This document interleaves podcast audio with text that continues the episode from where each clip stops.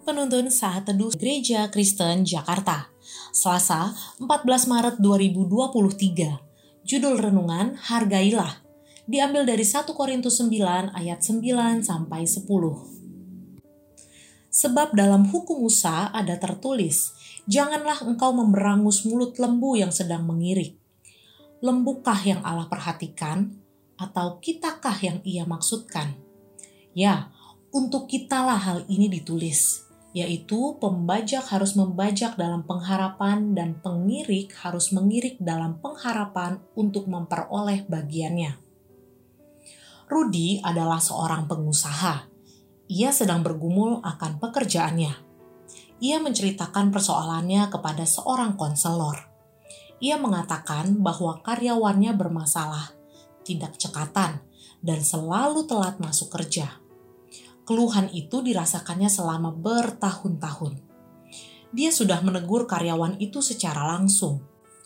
Dia juga sudah memberikan peringatan keras, namun tetap saja tidak ada perubahan.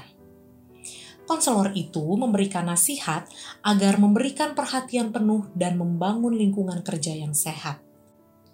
Pengusaha itu mulai datang paling awal dan pulang paling akhir dia juga melakukan beberapa pendekatan secara personal dan relasi mendalam. Ia berhasil. Kinerja karyawannya berubah menjadi lebih baik. Ia memilih untuk memperlakukan secara manusiawi dengan penghargaan yang layak kepada karyawannya. Bahkan dia menaikkan gaji karyawannya. Bisnisnya pun makin maju dan produktif. Paulus mengutip ayat ini dari Ulangan 25 ayat 4 janganlah engkau memerangus mulut lembu yang sedang mengirik. Dan diteruskan dengan pertanyaan retoris, lembukah yang Allah perhatikan? Tujuannya adalah menekankan dan memperkuat dasar pernyataan dan penegasannya. Pertama, data ini sudah ada dalam kitab Taurat yaitu hukum Musa. Kedua, firman Tuhan dalam perjanjian lama tetap penting dan sesuai dalam penerapannya. Ketiga, ilustrasi ini sebagai kiasan dari lembu. Kiasan memiliki arti tentang pentingnya menghormati dan menghargai seorang pekerja, karyawan, pelayan Tuhan, atau hamba Tuhan. Ketika sedang bekerja, jangan menekan, memaksa, apalagi mencelakakannya. Sebaliknya, justru harus memperhatikan dan mendukungnya, bahkan terlibat bersama-sama agar bersemangat, kuat, dan ulut bekerja sehingga menghasilkan hasil yang berlipat ganda. Dalam ayat 10, Paulus menggunakan ilustrasi petani dan peternak, suatu budaya kerja yang umum sesuai geografis pada waktu itu. Petani yang membajak sawah dan pengirik yang mengirik hasil panen.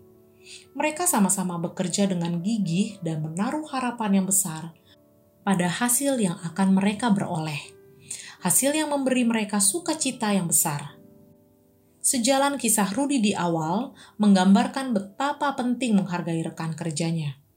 Dia memilih untuk melakukan pendekatan personal untuk suatu perubahan tanpa mendahulukan keputusan memecat. Ia berhasil mengubah suasana dan kinerja para karyawan.